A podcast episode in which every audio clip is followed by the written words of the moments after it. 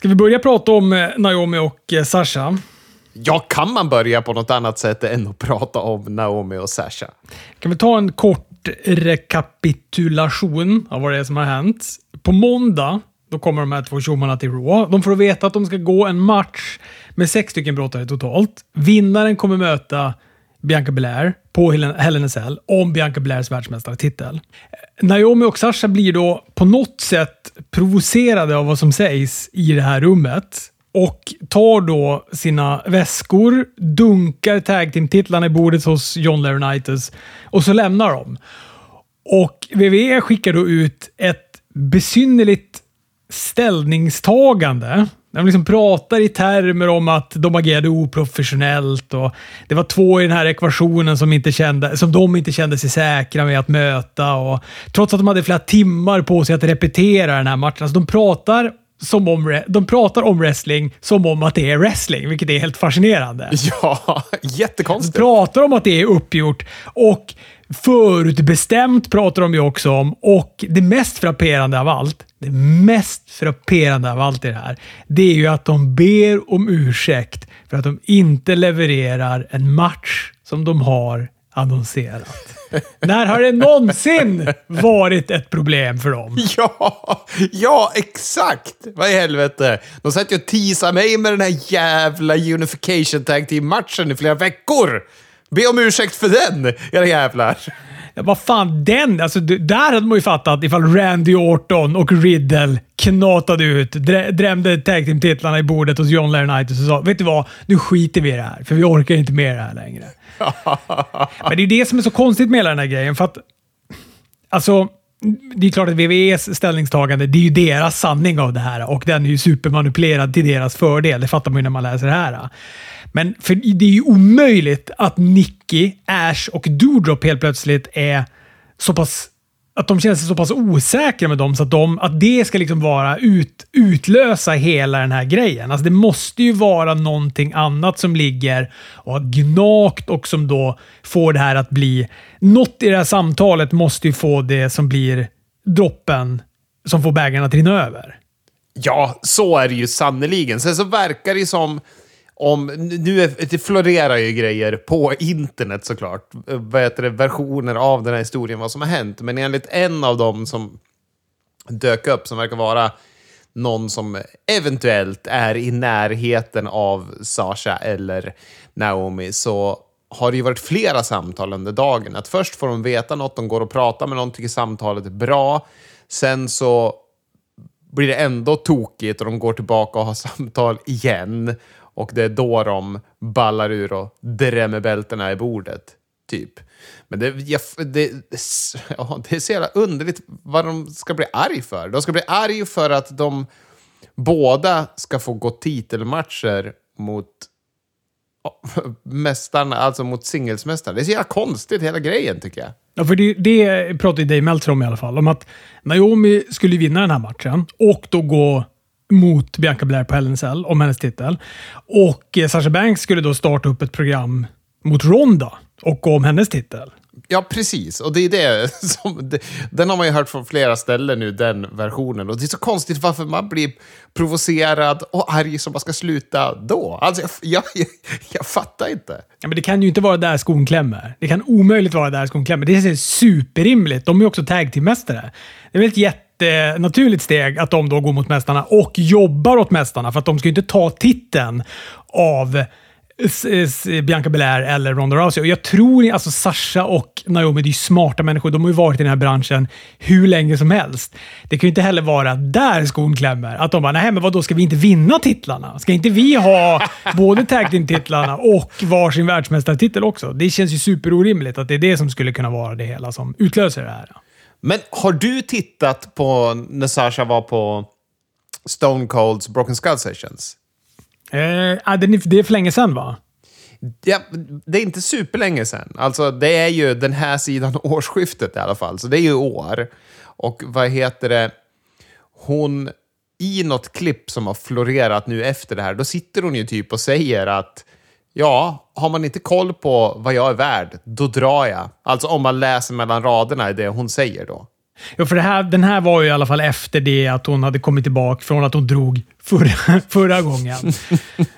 Men det är ju, är ju roligt också, att det, för det är ju exakt det här Steve, Steve Austin gjorde när han skulle jobba åt Brock Lesnar för svinlänge sedan. Japp. Då, det var då han bara sa så här, "Men vänta, det här känns som en jävla stökig storyline. Jag drar, och så drog han. ja. Och då var de ju också så, här, så att de gick ut och, och pratade och skulle säga att han var oprofessionell och grejer, vilket han var. Men att man gör det liksom on air. Eh, och det gjorde ju Corey Graves nu om vad heter det, Sasha och Naomi på Raw. Pratade om att de var oprofessionella. Han var så jäkla vokal där i och det kändes ju verkligen som att Vince McMahon satt och skrek i öronen på honom. Säg att de är oprofessionella! Det, för det, det, vet jag, det reagerade jag på när hela den här Steve Austin-grejen var. Att det kändes som att så här, fast vänta, ni gör ju bara en catchphrase av det här. Det här är ju en tröja att han tog sin flint och stack. Det kändes som att det var väl en tröja till och med, nästan. Och hade det inte varit all den här halabalon utanför om det här så hade jag varit stensäker på att det här var en, en storyline. Ja, men det känns ju alltså... Hon känns lite stökig, Sasha, tycker jag. Det känns ju som att hon är instigatorn här. Det känns inte som att det är Naomi som har fått för sig att nu jävlar gör vi revolt. Nej, och det är väl hon som har fått all skit också. Det är väl ingen som pratar om Naomi. Det är, de, de som är arga är arg, arga på Sasha och de som är så här, tummen upp, det är bra att stå upp för sig själv. De ger också den bara till Sasha Banks. Ja, och det är bara Sasha Banks som de vad heter det, delar bilder på sig själv med på Twitter och grejer. Brottare i andra förbund som tycker att det är bra att man ska stå upp för sig själv. Det är en himla märklig situation att vara Naomi, tror jag. Och, jag var ju lite inne, vi har ju vår chatt, du och jag och Källan Anders. Jag var lite inne på att det här kanske är spiken i kistan för Sasha Banks. Men som han sa, eller som han skrev, att, är ju att hon är kanske lite för värdefull. Det är inte så att de, de kommer inte släppa henne för det här. Det är inte så att hon, de, de vill inte riskera att hon vandrar in och är en jävla joker på Dynamite sen. Nej, om man sitter och håller på Mustafa Ali, då håller man på Sasha Banks. ja, hur fan hon än beter sig. Ja, men det är ju knepigt det där. Det här jag chattade lite med Sebbe om det här. Att de kan ju bara förlänga hennes kontrakt nu, för nu vägrar hon ju arbeta.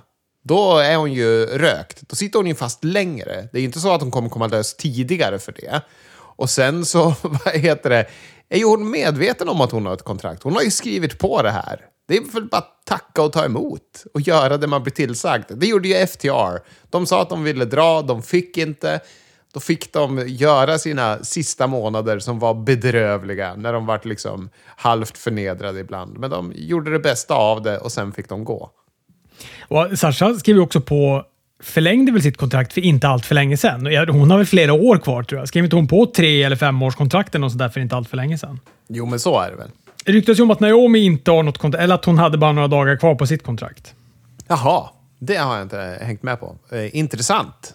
Likt catchphrasen i Jägarna 2, att familjen är det viktigaste av allt, den sviker man aldrig. Så eh, hon har ju ett rakt led hela vägen till Roman Reigns. Och har Roman Reigns något att säga till om, då får, kan väl hon egentligen bete sig lite hur hon vill och ändå komma tillbaka. Så är det, så är det ju. Ja, nej men det ska bli, ehm, ska bli spännande att följa det där. Å andra sidan gjorde inte Tony Storm precis sådär? Satte sig på ett plan och sa “Jag drar åt andra hållet istället”. Och sen dök hon upp på Dynamite. Ja, så är det ju. Men nu är ju det Tony Storm som de hade kört varumärket ner i total jävla mörker på main roster. Det har de ju inte gjort. De har ju hållit på och byggt upp Naomi och Sasha. Jag läste bara en, ingress på någon intervju hon hade gjort. och Hon pratade om att, du vet, vi, vi snackade om det, här, det bedrövliga hon gjorde på main roster på Smackdown och hon gick ju någon sån jävla paj. Hon Ja. fick ju någon paj över sig. Flera veckor på raken. Flera veckor på raken, precis. Och då ber- berättade hon att det där var bara för att de skulle kunna slita av mig tröjan. Det var det som var liksom själva payoffen på det. Har vi pratat om att eh, när Triple H försvann från NXT så fick kvinnorna nya direktiv kring sin ring gear? Nej. Vad, vad fick de för direktiv då? De skulle klä sig sexigare. Och det här var ju i samma veva som Ember Moon fick nog liksom. Och, och kände att ah, men, det här går inte. Vadå? Alla kan inte se ut som Mandy Rose, även om jag respekterar Mandy Rose och hon är en jättebra brottare, men vi ser inte ut som henne. Vi är ju i all shapes and sizes. Vi måste väl få klä oss så vi är bekväm. Men eh, så fort Triple H försvann, då var det nya direktiv. Förklarar ju varför alla i princip ser ut som Mandy Rose nu då på, på NXT. japp, japp, japp. Du, Ric Flair tränar för en sista match. Och boy, vilken dålig idé det känns som. Oh, ja, herregud. Han har ju varit inne för hjärtoperationer och är knappt en fungerande människa längre. Han är, och han har ju inget liksom, kapital kvar i wrestlingvärlden känns det som heller. Han, han blev ju en föredetting i raketfart när Plane Ride from Hell-avsnittet från Dark Side of the Ring sändes. Det ska vara på Starcast 5. Där också en roast av Ric Flair ska äga rum, ser jag här nu när jag är inne på deras hemsida. Det är det enda som har annonserats så här långt. Ric Flairs last match och the roast of Ric Flair. Ja, ja. Men vi skojade ju om Starcast förra veckan, att de skulle ha ett samarbete med WWE. Men ryktet säger ju att det är det, som, att det, är det de har. Jaha, det är så? Ja, och det är därför den ligger i samband med SummerSlam och såna saker. Känns ju lite vanskligt att ha med Ric Flair om man har ett samarbete med WWE, eftersom de har ju börjat radera honom lite efter Plane Ride from Hell just. Jo, men samtidigt tror jag att det kommer nog inte vara under WWE-flagg att det är så här äh, Starcast presenteras av WWE, men jag kan nog tänka mig att WWE är, kanske hjälper till. Men, och då i de här lägena som att Ric Flair ska vara med och det kommer hetta på WWE så kan de ändå vara distanserade till det där sen. Nej, men det där är inte våran produkt. Det där är ju Nej, indie, indie-kladdet. Det där. Ja, spännande. Vad heter det, apropå SummerSlam, ska vi prata lite Castlemania? De har ju släppt biljetter nu. Jag såg det. Var de orimligt dyra eller? De eh, hade ju räknat med att det skulle sälja ut i rekordfart. Så de hade ju håsat upp priserna och det sålde verkligen inte ut i rekordfart. Istället var det bedrövlig ticket sales och eh, gnäll på dyra biljettpriser kom, de måste ju sälja ut det där. Det kommer ju se bedrövligt ut ifall de trycker sig in i något jävla stadium och så kommer det ingen folk. Nej, så är det ju, men de kommer lösa det. De är kreativa med prissättningen, tror jag. Det, och jag vet inte, det kanske är slutsålt nu. Det var Meltzer som skrev att det, hade, vad heter det, bara, det är definitivt inte slutsålt och det är definitivt för höga biljettpriser. Folk är inte glada. Jag såg att det var någon som hade postat i någon av wrestlinggrupperna på Facebook. En biljett så, att, eh, så det är väl några, några som ska dit i alla fall härifrån.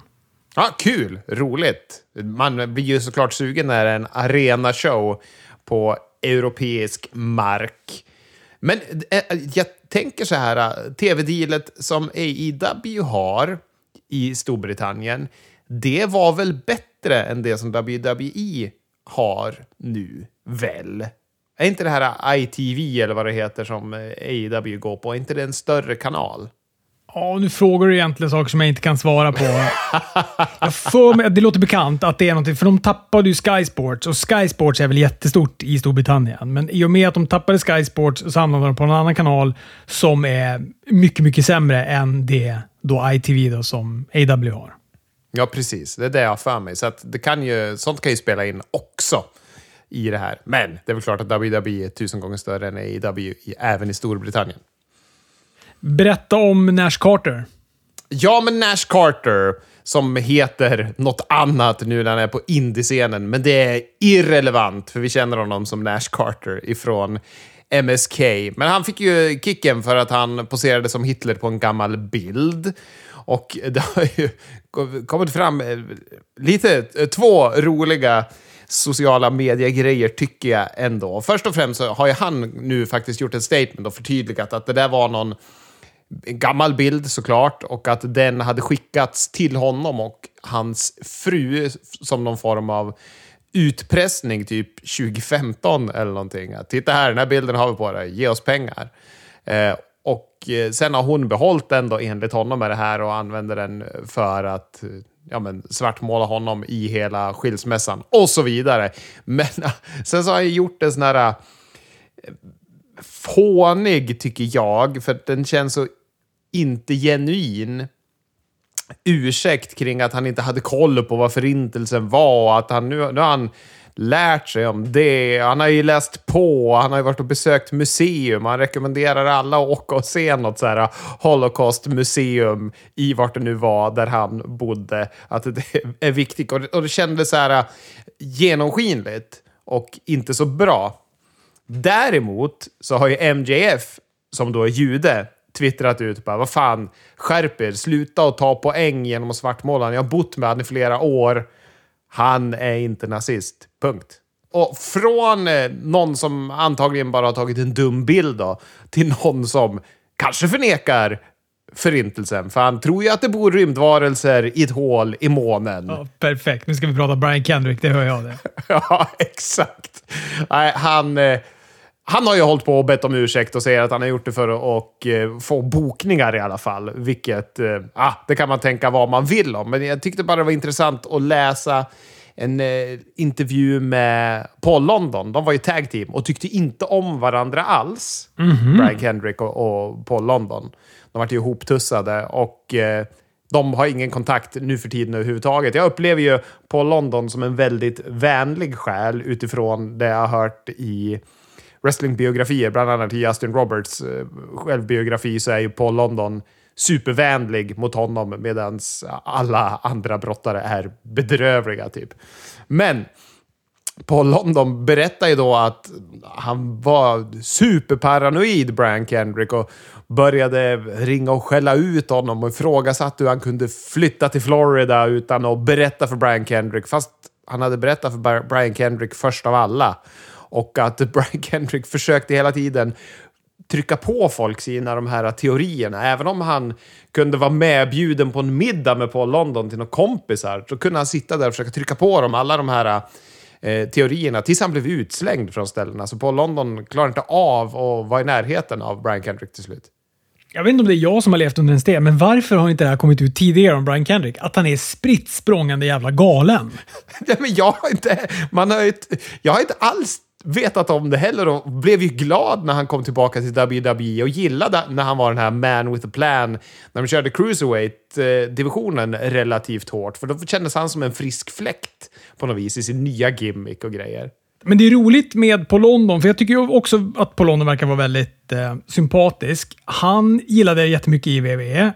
jag ska inte säga att jag ogillade honom i Lucha Underground, men alltså det är mitt senaste minne är ju av han i Lucha Underground, där han var där han är liksom Brian Kendrick. Han är ju galen där. Han går omkring med en stormhatt och gjorde så konstiga ljudeffekter när han hoppade som en kanin framåt. Det var någon sorts Alice i Underlandet-karaktär. Ja, just det! Det här har ju jag sett faktiskt.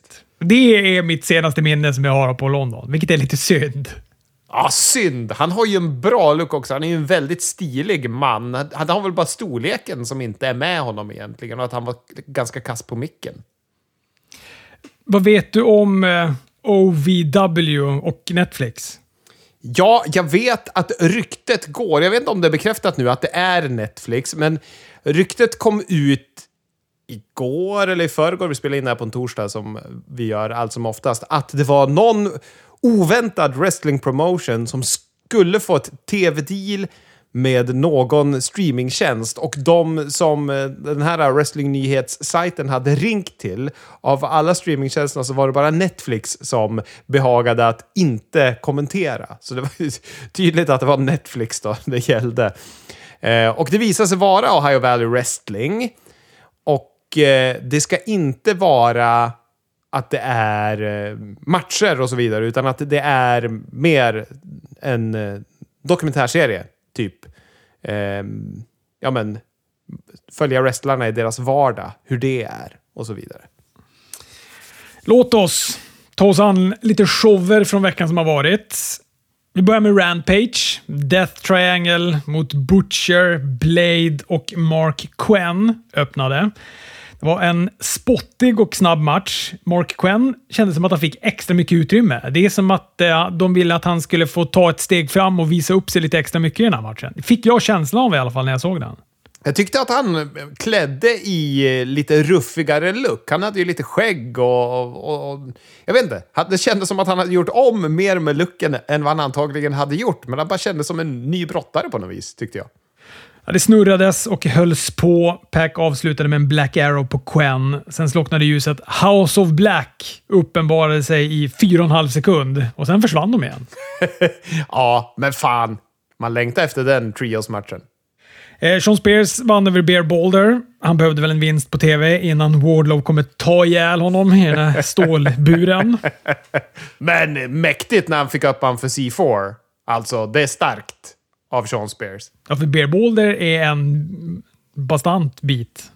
Oh ja. Den mindre karismatiska av de två björnarna.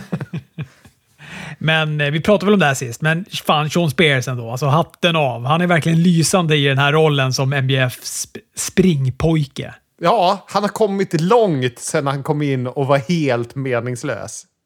Ruby gick över i Rio i Owen Hart-cupen. Jag älskar att Rio satte fingrarna i öronen när Ruby kommer in till Rancid. hon, tyckte, hon tyckte det var skränigt. ja, det, det, det klär Rio på något vis. Och här fick hon ändå gå en pangmatch, Ruby. Det, jag tyckte att den här matchen var jätte, jättebra. Jag tyckte den var tight, jag tyckte den var spännande och nu måste till och med du ändå tillstå att hon gick en bra match. Gud ja, och jag satt och tänkte så här bara, fan det blir ju som Robert sa. Hon får vinna, hon får gå en bra match. Ska det vara Rubys turnering det här? Mm. Ja, jag har ju satsat allt på AWs mest tatuerade krake i den här turneringen. så att, eh, ja. Jag vet inte om krake är en korrekt glosa, men eh, det är kul, en kul glosa att använda. Jag hoppas ju i alla fall innerligt på att Ruby går och vinner hela den här turneringen. Det var många near falls. Rio satte en crucifix-bomb, tog ett pinfall till två. Rio blev sen galen för att Ruby lyckades kicka ur en. Ruby naglar då en backdrop driver, sätter ett nearfall på Rio, tar sen upp henne i en Blade Runner och vinner med den och avancerar. Men har hon använt Blade Runner tidigare som finish? För hon har ju haft den här löjliga sparken. Jag blev extremt osäker på det och tänkte, är det sen Jay White kom som hon har tagit Blade Runnern? Jag vet inte, men, men jag är glad för det är en bättre finisher. Guns och The Acclaimed försöker jobba fram catchphrases, handgester och stallattribut tillsammans med Billy Gunn. Det var ganska kul det här segmentet. Ja, det var jätteroligt. Och det, det roliga är att Billy Gunn bara älskar The Acclaimed. Det är det det går ut på ja. också. Han skiter i sina söner, men han älskar ja. The Acclaimed. Ja. ja, det är toppen. Eh, Scorpio Sky och Frankie Kazarian om TNT-bältet avslutar. Det här är en pangmatch det här också. Publiken ropar SCU. De skakar hand i början. Man är ju så jävla WWE-skadad att alla tag team som bryts upp då först ska ha någon fade med varandra till absurdum. Men eh, så är det inte här. De här bara, nej, vi är inte tag team längre, löste upp det och gick vidare åt, åt varsitt håll. Inget liksom klassiskt för, för detta bästa vänner och haft en, en fade. Jag tycker det är snyggt. Ja, gud ja. ja och uh, roligt ändå, för på pappret är man ju helt ointresserad av den här matchen. Av många skäl, men framförallt för att Frankie Kazarian har ju glömts bort och Scorpio Sky har ju bokats tveksamt trots liksom TNT-bältet. Men så fick vi den här matchen av det.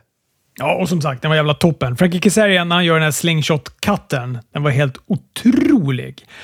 Och han hade också momentum, låste in Scorpio i en chicken wing crossface. Sky höll då på att tuppa av när Dan Lambert kommer springandes till ringen. Domaren, fullt upptagen om att hålla Lambert borta från att lägga sig i. Då smyger Ethan Page in, nitar Kazarian med TNT-bältet. En TKO av Scorpio Sky och han vinner matchen. Sen så retar de då en potentiell helylle babyface-turn från Scorpio Sky när han då får reda på vad Ethan Page har gjort. Men vänder han istället och ger sig på Kazarian. Så att de är liksom fortsatt oerhört mycket heel, det här äh, stallet. Och även då Sammy och Ty som sitter ringside som de har en fade med. Så det är ganska stökigt med att alla är heel. Ja, ja det, är inte, det är inte tydlighet här. Nu är man inte Vince McMahon. Nu är man Vince Russo. Nu är det rörigt. Jag kan tänka mig att eh, sådana som är vänner av ordning tycker det här är en väldigt stökig fade. För det tycker fan jag. Nej, men bra, bra Rampage för böven. Jättebra, fast det såg inte bra ut på pappret. Vad fan, vi har suttit och berömt Sean Spears, Frankie Kazarian och Ruby Soho. Det är jättekonstigt. Dynamite var lite mer brokigt eh, den här veckan. Jag... Eh, de hade ju bullat upp med två stycken jokrar, varav ena visade sig vara Johnny Elite. John Morrison, eller Johnny Nitro som är tror jag det första namnet som jag minns honom vid. När han var någon sorts kille snett bakom Eric Bischoff när han höll till på Raw. Vad heter det? Och här, vi har ju... Vi som brukar ha den här podden, du och jag och Källan Anders, vi har ju en eh, betting som vi brukar nämna ibland. Och då har vi haft vem jokern ska vara i den här matchen. Och då har ju vår källa Anders tippat på att Johnny Gargano. Och när det dyker upp Johnny Elite på skärmen så börjar han jubla klockan 10.06 i morse. Innan han skrek ut FAN! När han ser att det är John Morrison som kliver ut. Och det tyckte jag var helt underbart. Jag hade också skrivit Johnny Gargano och tycker att vi ska få ett halvt rätt i alla fall för att vi hade rätt på förnamnet.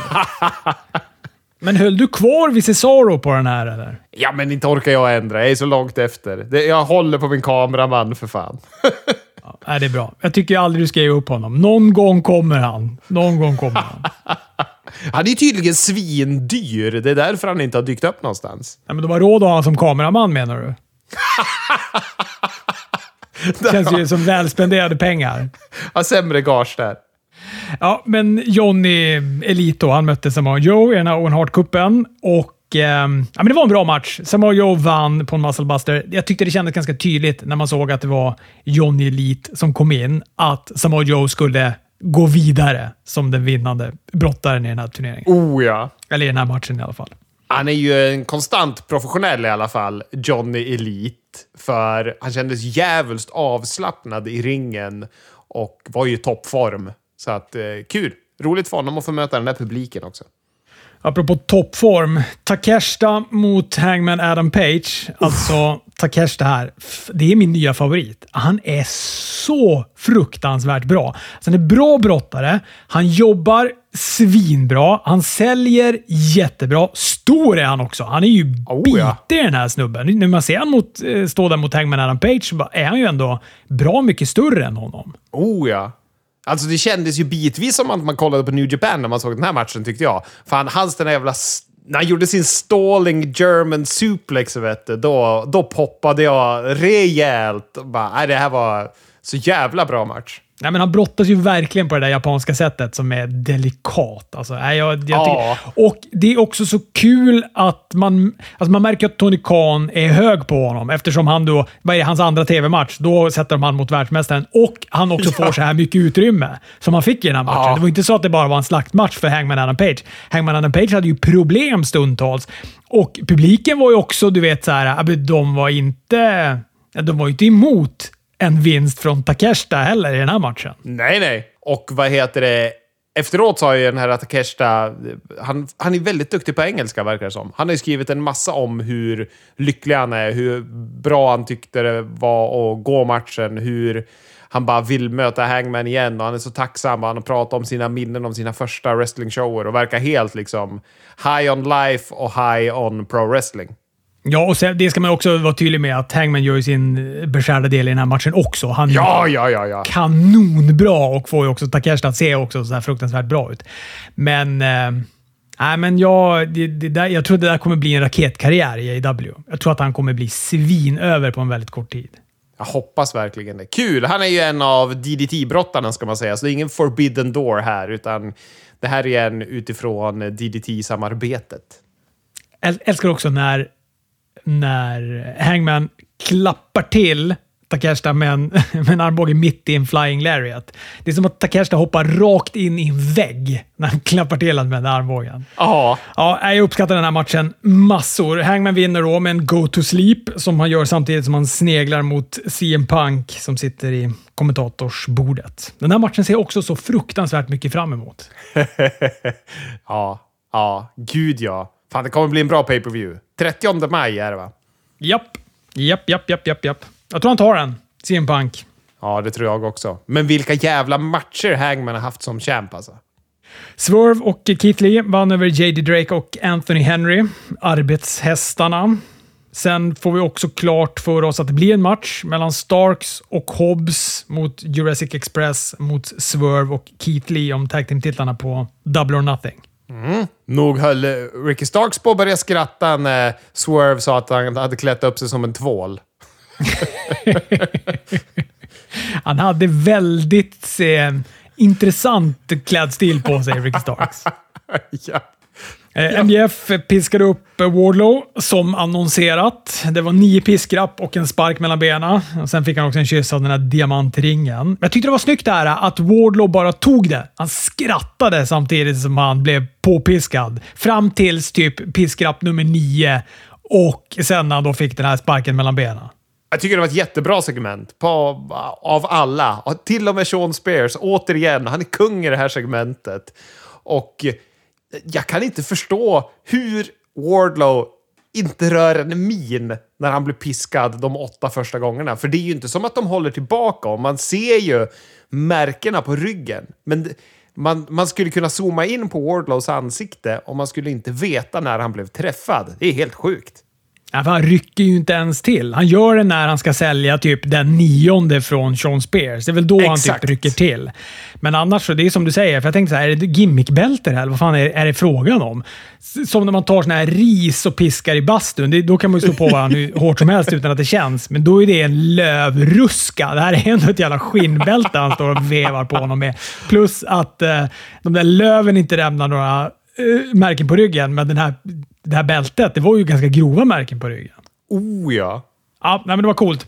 Det är också roligt att han är så fruktansvärt över i de här lägena, Wardlow. Men när han börjar gå matcher så är de ju rätt trötta på honom fram tills typ han sätter igång med en powerbomb-symfoni. Så att, eh, Ja. vi får se. Han är ju över, men jag tror att han också är en sån brottare som när, när det väl börjar brottas intensivt så kommer de tappa intresse för honom snabbt. Och det är synd, för att han är ju, en, om man ska göra jämförelsen med Goldberg, vilket eh, man gör för att de chantar Wardlow som Goldberg-chanten, men så är ju Wardlow en bra brottare, alltså i jämförelse väldigt bra brottare. Han besitter ju så här eh, både akrobatiska manövrar och bra powermanövrar och så vidare. Sen kanske han inte har psykologin och grejer, så att det kan ju vara där han tappar dem. Men eh, det är synd, fan. Jag vill att folk ska vara engagerade i den här mannen.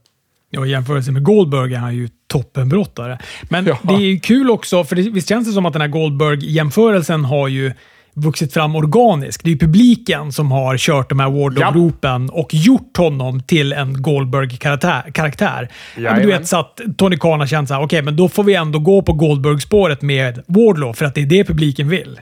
Japp, och det är snyggt. Roll with the punches. Det är fan grymt gjort. Kyle O'Reilly vann över Ray Fenix i en lång kampmatch. Han fångade upp Fenix i en armbar mitt i en cutter, så låg Kyle och gned tills Ray Fenix tappade ut. Ja, en mycket, mycket bra match där. Ja, det var det. Och eh, det- visst verkar det bli Kyle O'Reilly mot Adam Cole i final. Ja, det lutar väl åt det. Det är ju ifall han då. Kyle O'Reilly, han ska ju möta då Samoa Joe, men kommer han vinna över Samoa Joe? Yes. Ja, det kanske han kommer. Kanske med lite hjälp av Jay Lethal eller eh, Satnam Singh och Japp. CM Dutt. Japp, japp, japp. Sen fick vi ett underbart segment av JAS och Blackpool Combat Club, Santana Ortiz och Eddie Kingston. Jericho, trollkaren. Jag älskar att han säger att han är trollkarl och kan kasta eld. vad, vad är det han har fått för sig? Det är fanns- underbart. Det är sports entertainment det. Ja, men Jericho han hyvlar av då alla, en efter en, på klassisk Jericho-manér. Han är väldigt salt och väldigt vågad när han dissar, eh, ja, men framförallt när han dissar Ed, eh, John Moxley och Regals Oh ja. beroende. Eller missbruk. Ja, men han trycker ju till Regal rejält och liksom bara du har ju fuckat upp din karriär. Du skulle kunna ha varit hur bra som helst, men du är en eh, jävla missbrukare. Alltså, det var väldigt hårda ord. Ja, det var väldigt hårda ord. Publiken drog efter andan vid många tillfällen. Regal är ju tyvärr inte lika bra när han ska ge igen. Han är ganska bedrövlig när han ska ge igen. Men bäst, bäst är ändå Eddie Kingston, som samtidigt som det här händer sitter på ringstolpen, smsar och behandlar sina tänder med plackers. Ja, jag tycker han var toppen. Eddie Kingston var toppen i det här läget. Det är också bra när, för Jericho börjar då bulla upp för att de ska gå en sån här uh, Stadium Stampede-match, men då är, får ju John Moxley nog och bara nej, nej, nej, nej. Inget sånt där dra, inget sports entertainment-dravel här nu. Ska vi gå match så ska det vara en match som är på riktigt och det ska vara väldigt mycket blod i den matchen. Jag tycker att det var, alltså när John Moxley började prata, det var en sån befrielse. För det var väl han som tog över direkt efter William Regal, har jag för mig. Och då kände man bara, åh, äntligen någon som kan prata. Vad skönt det blev. Och eh, det var nästan gåshud för mig ett tag där, när Moxley bara satte igång och körde. Och sen så fick ju Eddie Kingston börja prata också. Och bara, fan, det här är ett bra segment. Det höll på och köra rakt ner i diket när Regal höll på, men det räddades tack och lov upp. Ja. Ja, varför är han så dålig, Regal, här? Det är... Var det som att han så- ta- tappade han fattningen? Kunde han inte improvisera, eller? Jag vet inte, för han var ju inte speciellt bra i den här han hade veckan eh, på första veckan på Dynamite när han fick prata heller. Då var han ju också liksom ute och slira. Den var ju bättre, men den var ju inte William Regal bra. Så att jag vet inte vad det är. Han kanske är ringrostig som fan. Britt Bakers eh, motståndare och tillika joker i den här Owen Hart-cupen, det visade sig då vara Maki Ito. Och eh, hon har vi ju sett tidigare. Det är ju en speciell filur, den här Maki Ito. Ja, ja, hon är ju mer åt Danhausen och Orange Cassidy än, än eh, Tony Storm till exempel. Och ja, jag vet inte. Hon... Parningen också med Britt Baker var så jävla omaka. Det var fan inget som kändes stabilt med den här matchen överhuvudtaget. Men doktorn löste det här i alla fall. Hon avslutade Makito med en lockjaw och Tony Storm väntar nu i semifinalen. Ser man ju fram emot. Ja, det gör man.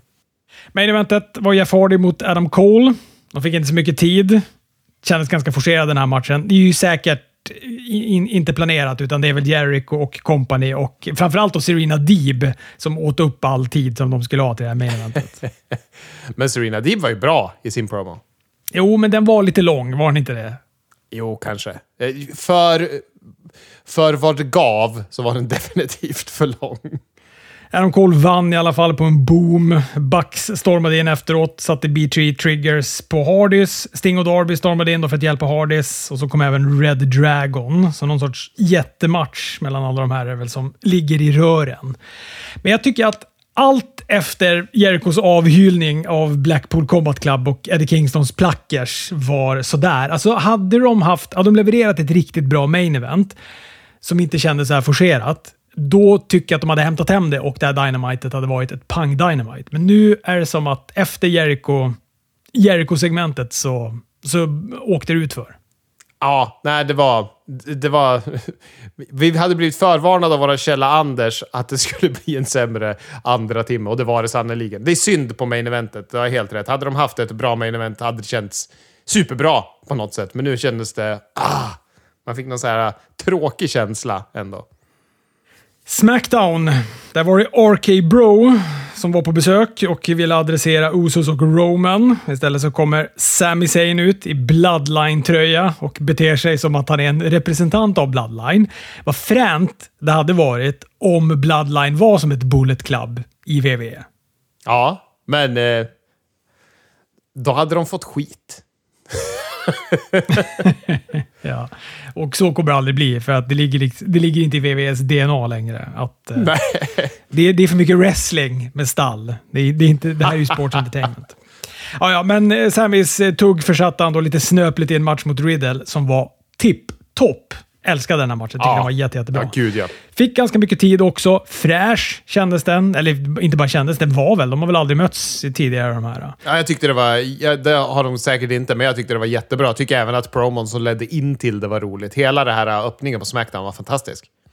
Många ner falls. Sammy dumpar Riddle över barrikaden, springer in i hopp om att, om att han ska bli uträknad. men, men eh, Riddle hinner in då i sista nanosekund, har ihjäl Sammy med en eh, Bro Derek och vinner. Mycket, mycket bra. Ja, jättebra. Ronda Rousey i ringen, face-mästare och ska då ha den obligatoriska öppna utmaningen.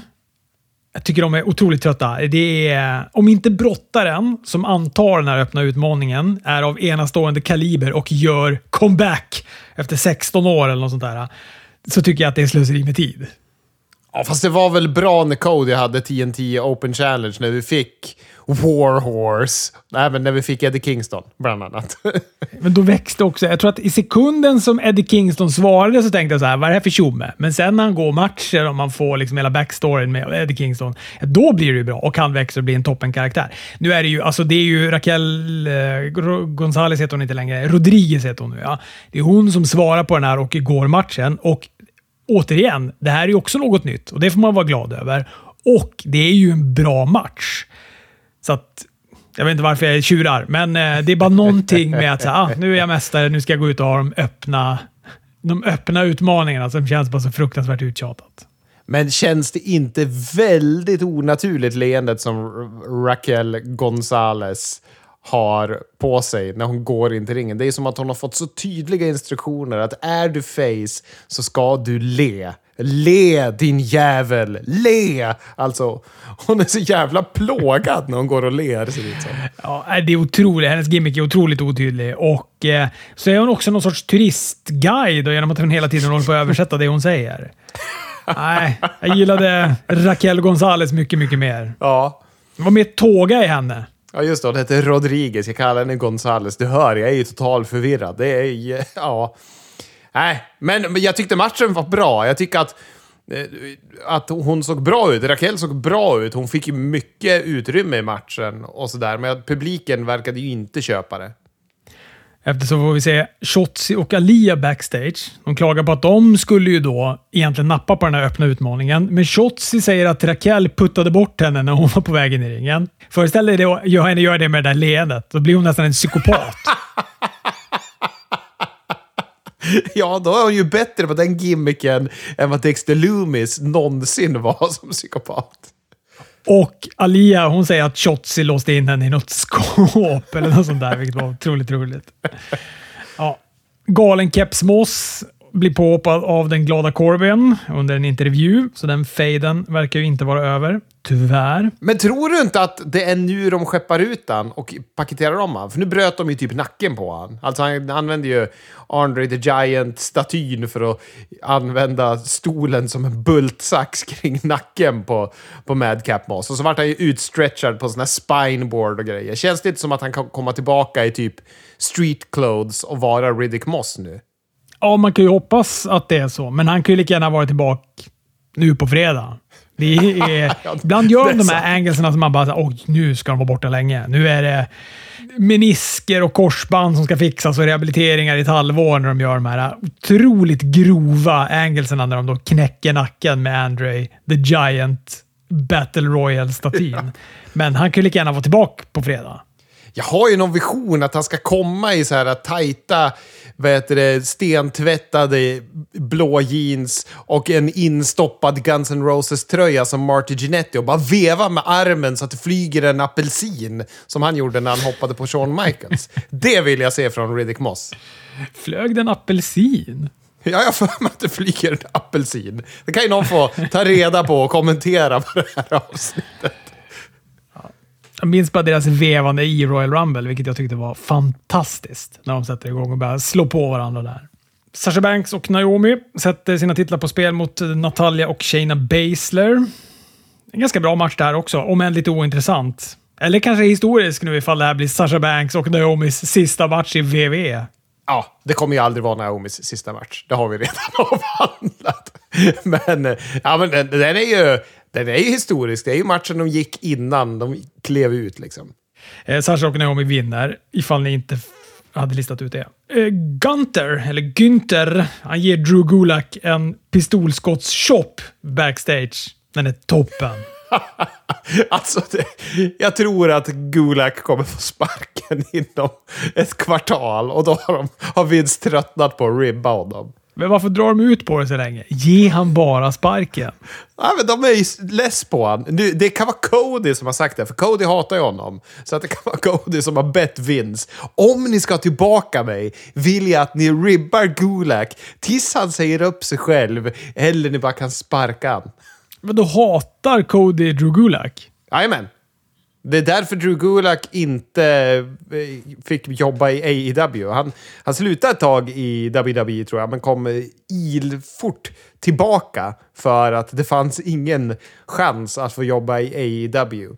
Tydligen så har han ju betett sig som en röv någon gång så här backstage. Att eh, Cody satt vid något bord och käkade pizza. Det är någonting med att någon käkar pizza backstage och Gulak blir förbannad över att bara ha får du den där pizzan? Typ, jag kommer inte ihåg. Det, det är någonting med någon pizza eller någon autograf. Fan, har du frukt på pizzan din jävel? och hur det än är så då har ju Cody sagt att Nej, men jag hatar honom. Jag brukar smsa folk att Drew Gulak är dum i huvudet. Typ. Jaha. Vad, vad ocharmigt det känns av Cody att vara också så långsint över att någon har banan på pizzan. Men ja. jag, apropå det så såg jag ju Cody hos Steve Austin. Det var en upplevelse. Väldigt, väldigt bra. Det gjorde jag med. Mycket prat om AW.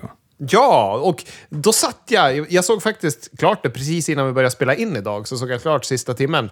Och eh, jag tycker att det är coolt på något sätt av WWE och vara så avslappnad med att prata om det. För det gör att AEW blir inte en konkurrent. Sättet som WWE hanterar AEW, det är som att de är verkligen små fiskar. Och jag tycker även att det är bjussigt mot de inbitna fansen att de får en chans att höra de här sakerna i officiella WWE-kanaler. Jag tycker att Stone Cold är bra programledare och ställer bra och relevanta frågor och har koll på läget. liksom. Nej, men jag håller med. Jag, jag, jag, tänkte inte på det, men när du säger det så är det ju verkligen en... Det är lite av en härskarteknik nästan. Det är oh, strategiskt ja. av dem att prata om AW på det där sättet som de gör lite om typ Impact. Ja, men också som de gör när de nämner ECW också. Det är någonting som folk gillar och tycker bra om. Men det är inte WWE. Men han var väldigt eh, Cody var ju väldigt eh, tydlig med att han fortfarande typ älskade alla som jobbade på AW och ja. eh, tyckte att det var ett toppenförbund och, och så vidare. och så vidare. Man märker att han har mycket att säga till om just nu. Det, han, det, han lever... Han kan ändå ta ut svängarna ganska mycket i WWE. Ja, men han har ju ett sånt jävla självförtroende och vet vad han är värd, tror jag också. Kofi Kingston mot Butch var kvällens sista match. Den här var också bra tycker jag. Jag tycker för sig Butch, den här lite spattiga stilen han gör, det gör ju honom också till en sämre brottare än vad han var när han var Pete Dunne. För han brottas ju sådär spattet också. ja. Efter ett tags jämn match så börjar Sheamus och eh, Ridge Holland stöka utanför ringen med Xavier Woods. Kofi hjälper till genom att skicka en spark från ringen på Sheamus som har placerat sig på ringkanten.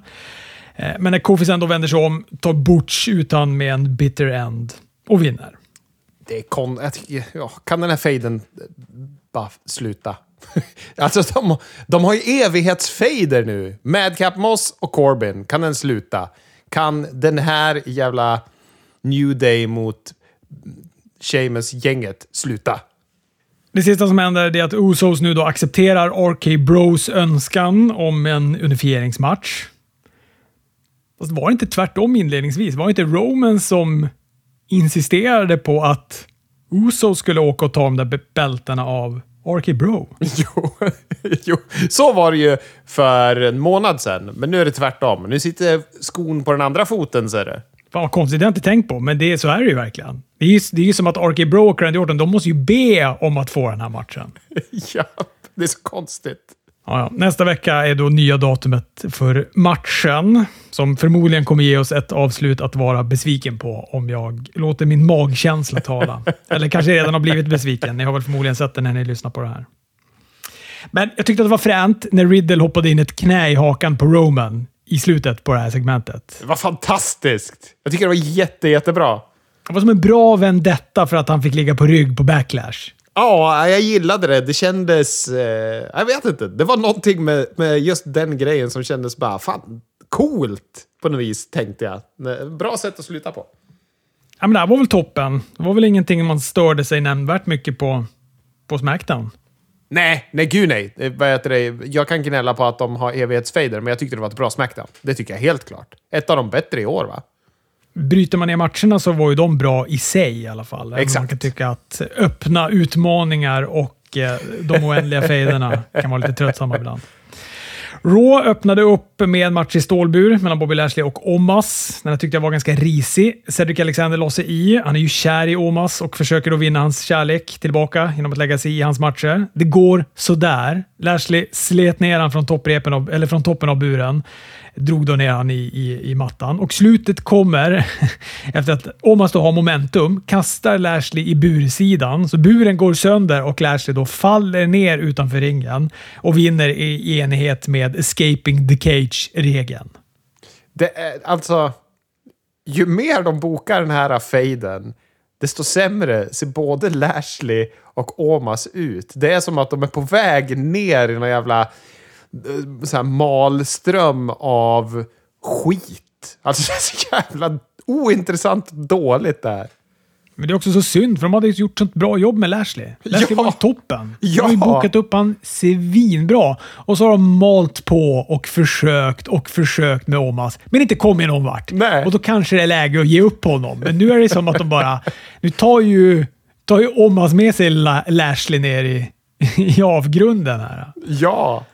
Ja, det är bedrövligt. Och det är inte bara Lashley som dras ner, det är även MVP och Cedric Alexander får jag haka på liksom ner i avgrunden. Ali ska möta Theory även den här veckan, men Theory hade andra planer. Han är ju bästis med Vince McMahon och det är väl därför då vi ska köpa att han kan ha domare efter egen regelbok. Det börjar med att han då satte miss som domare i den här matchen och sen deklarerar han då att matchen är inte mot honom, utan istället så är den mot Veer Mahan. Och Veer vinner och efter skulle han då köra Ali genom ett kommentatorsbord, men då kommer Ray och Dominic Mysterio tillbaka och eh, ja, hjälper Ali. Då. Jag får aldrig se Veer, men jag är lite nöjd att jag slipper se den här fejden, för det låter så dåligt när du beskriver. Ja, men det är också... Ja, ja. Alltså jag gillar ju Austin Theory och Ali är ju också toppen. Och, men det är som att man bara... Ja, men jag vet inte. Det, de misslyckas med bygget av de här storiesarna.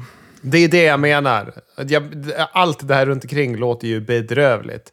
Och fan, Mysterios, de har inte mycket tillit kvar till dem heller. det här är ju bortklippt som bara den. Nu får de i och för sig vara i en angle där Theory är med och han är ju faktiskt någon de satsar rejält på. Men ja, mm. De startade det här med att annonsera då den här six-pack-challengen som vi har pratat om. Då. Aska skulle möta Becky Lynch, eller Aska mot Becky Lynch, mot Naomi, mot Sasha Banks, mot Nicky Ash och Doodrop.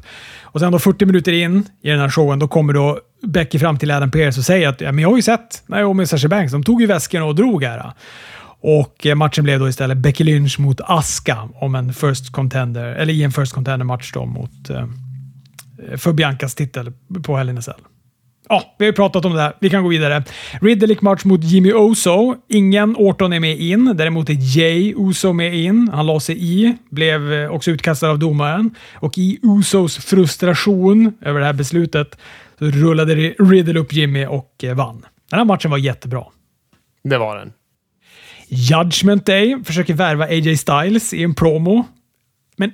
Innan, jag vet inte om du fick se det här eller om, om det var bortklippt, den här Judgment Day-promon var ganska lång. Känns som att den låg i riskzonen för att bli bortklippt då. Nej, men den, den fick jag se. Det klipper de aldrig bort. Innan så var det i alla fall märkligt, för då frågade AJ och Baller om Liv Morgan ville vara med ringside, men hon började liksom fnittra fnittra och sa att hon skulle tänka på det och sen dök hon bara upp med dem. Jag fattar inte varför hon höll på att fnittra och vad var det att tänka på? Nej, det var jättemärkligt. Och det var... Det hade varit dåligt segment. Alla var lite halvkass i det segmentet, tycker jag.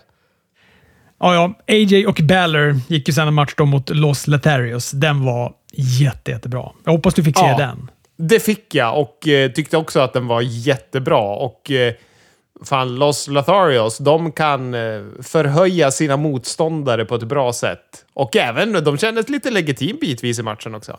Ja, det tycker jag. Jag tyckte det var som ett rinnande vatten. Alla fyra levererade. Styles tog ut Angel Garza med en phenomenal forearm. Baller med en coup de gras på Umberto. Tog pinfall till vinst.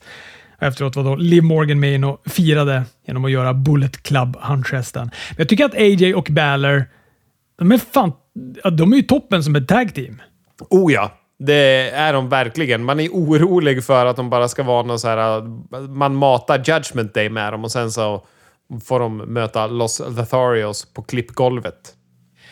Något annat som är toppen, det är Kevin Owens. Han gör ju att man... Ja, man ja, jag säger det. Det gör ju att man älskar den här grejen med Ezekiel. Det är han och Chad Gable som gör att man älskar den här grejen. Är det här bortklippt? Åh nej, och var Chad Gable med också? Har jag missat de här tre? Chad och Otis, de kommer med DNA-test som har varit på analys till Kevin Owens då. Nu ska Ezekiel avslöjas, men när Kevin Owens då ivrigt öppnar upp det här kuvertet så står det att man kan inte analysera det här DNA-testet för det är någon som har drällt barbecue-sås på det. Och då är det givetvis Otis då som har snaskat barbecue-sås och kladdat runt. Åh. Väldigt roligt. Väldigt, väldigt roligt. Eh, Alexa Bliss får vi se också. Hon har fått en ny låt och hon vinner över Sonja Deville igen. Även om Sonja i och för sig hade ett ganska långt pinfall som domaren missade för han var och rättade till ringkudden som i och för sig då Sonja hade varit och slitit i tidigare. Samtidigt också som, jag tror att den här matchen pågår och bitvis under Raw, då pågår det en grafik med en nedräkning till Cody Rhodes. Det tyckte jag var kul. Det är så underligt. Han blir ju så stort namn som han har nedräkning till när han ska vara i tv-rutan. Ja, men när hade de det senast? Det känns ju som en Steve Austin-grej. Ja, men betyder det här att de har kollat på så här quarterlies, alltså när de kollar på, eller quarterlies, det kanske är kvartalsrapporter det, när de kollar på de här quarter hour-rapporterna, man, för man räknar dem ju i kvartar, och hur eh, ratingsarna är, och de har sett att Cody-ratingsarna är kanon. Kan det vara det liksom? Det känns så underligt att de har det. Ja, men någonting sånt måste det ju vara. För att det är ju, uppenbarligen så gav det ju frukt förra gången när de då liksom, vad sa de då? Klockan 22, då går Cody Rhodes en match. Och det var ju så här timma två, öppningen av timma två eller något sånt där. Och nu körde de då en nedräkning som också inte var att det var det sista som händer, utan det här var ju väl kanske också i timma två eller timma två och 15 in eller något sånt Ja, men visst. Nej, men det är ju kul att de har så mycket förtroende för Cody Rhodes. Ja, gud ja. Det är kul. Och det är, återigen, det är roligt att publiken är så jävla positiv också. För att det var, det var ju... Fan, han tände ju eld på sig själv för AW-publiken och de buade. ja. ja, verkligen. Ja, det är fan sanslöst. Ja. Ja, han kör sin promo, han får bra respons av publiken. Vi får också veta att det blir en tredje match mellan han och Seth Rollins på Hell in a Cell. Det blir spännande att se vem som får den vinsten. Ja, verkligen. Sen fick vi, eller jag i alla fall, fick då se Ezekiel vinna över Chad Gable. Åh nej! Alltså, det är så- sånt mumma som är bortklippt här. Hur var matchen då? Nej, men, ja, men den var helt okej. Alltså Ezekiel är ju okej, Chad Gable är bra, men Kevin Owens, han var toppen i kommentatorsbordet. Han gav sig aldrig. Det, han kunde inte med att de pratade om honom som Ezekiel. Nej, det var, jag ska inte ens försöka återge det, men det var väldigt, väldigt ro, underhållande. Kung. Det måste vara jätteroligt att få vara Kevin Owens i en sån här roll när, när det är så uppenbart att det är, vad heter det, att det är Elias och få spela på det och vara arg när alla andra är de dumma, när han är den smarta healen. Men ingen fattar. Det är ju en jätterolig karaktär. Det är en rolig angle och så jävla dum och bra på samma gång. Eh, Lacey Evans promo följer upp. Hon är en G.I. Joe nu alltså. Det ska applåderas trupper och det ska ropas USA och så vidare. Har vi, har vi pratat om att hon är en råbrottare nu? Jag vet inte. Det här var bortklippt i alla fall. Men eh, jag är inte säker på om vi pratar om det faktiskt. Men hon är ju det, så nu vet ni det. Men vad fan, Los Letarios, de är ju inte... De är väl på Smackdown då? Ja, det har du också rätt i. Vad fan gjorde de på Raw? Ja, vad gjorde de på Raw? De kanske är likt Brock Lesnar som får hoppa hur de vill. Är det de, Brock Lesnar och Roman Reigns som får vara lite var som vill? Och RK Bro också. Och Usos som var på Raw. Ja. Och Lacey Evans som nyss var på Smackdown och nu är på Raw. Så att, eh, ja. ja, ja. Vi grottar inte mer i det Chris, för då blir vi bara besvikna. Avslutade, gjorde då den här matchen mellan Aska och Becky. Och ehm, ja, men det här var ju en bra match, tycker jag. Ja, gud ja. Det, det var mer liksom så här... Äh, jag var mer fokuserad på, på Sasha och Naomi på något vis när jag tittade på den här. Så den hände, men jag satt och var förundrad och liksom... Äh, satt och funderade, hur har de gjort nu när de la upp den här matchen? Vad är tanken? Vad, vad hände? Det är mycket tankar i mitt huvud under det här main eventet. Plus att man också då bara hör Corey Graves hålla på att mala på med jävla oprofessionella Sasha Banks och Naomi, vilket också gör att man blir helt ställd. ja. Är det här på riktigt eller inte på riktigt? Vad ska, vad ska jag tro om det här egentligen? Ja. Men, eh, nej, men det, nu var det en bra match. Eh, Becky kastade in eh, Aska i Belair då, som satt ringside. Belair hoppade upp på ringkanten. Domaren var dit och försökte mota Bianca i grind. Då passade då Becky på att försöka fuska genom att slå på Aska med hennes paraply. Men Aska svarade med att spotta grönt i ansiktet på Becky och eh, vinna tätt efter det. Bra match, bra avslut, rätt bra rå också. Ja, det låter ju som att din version var bättre den här gången. När du fick Kevin Owens och Chad Gable och Ezekiel och Otis. Fan. Det hade kanske förhöjt det lite till mig. Men visst, jag håller också med. Det var ett, ett bra Raw. De har haft en bra vecka här. Fan, hoppas det håller i sig. Hörrni, detta om detta. Vi hörs.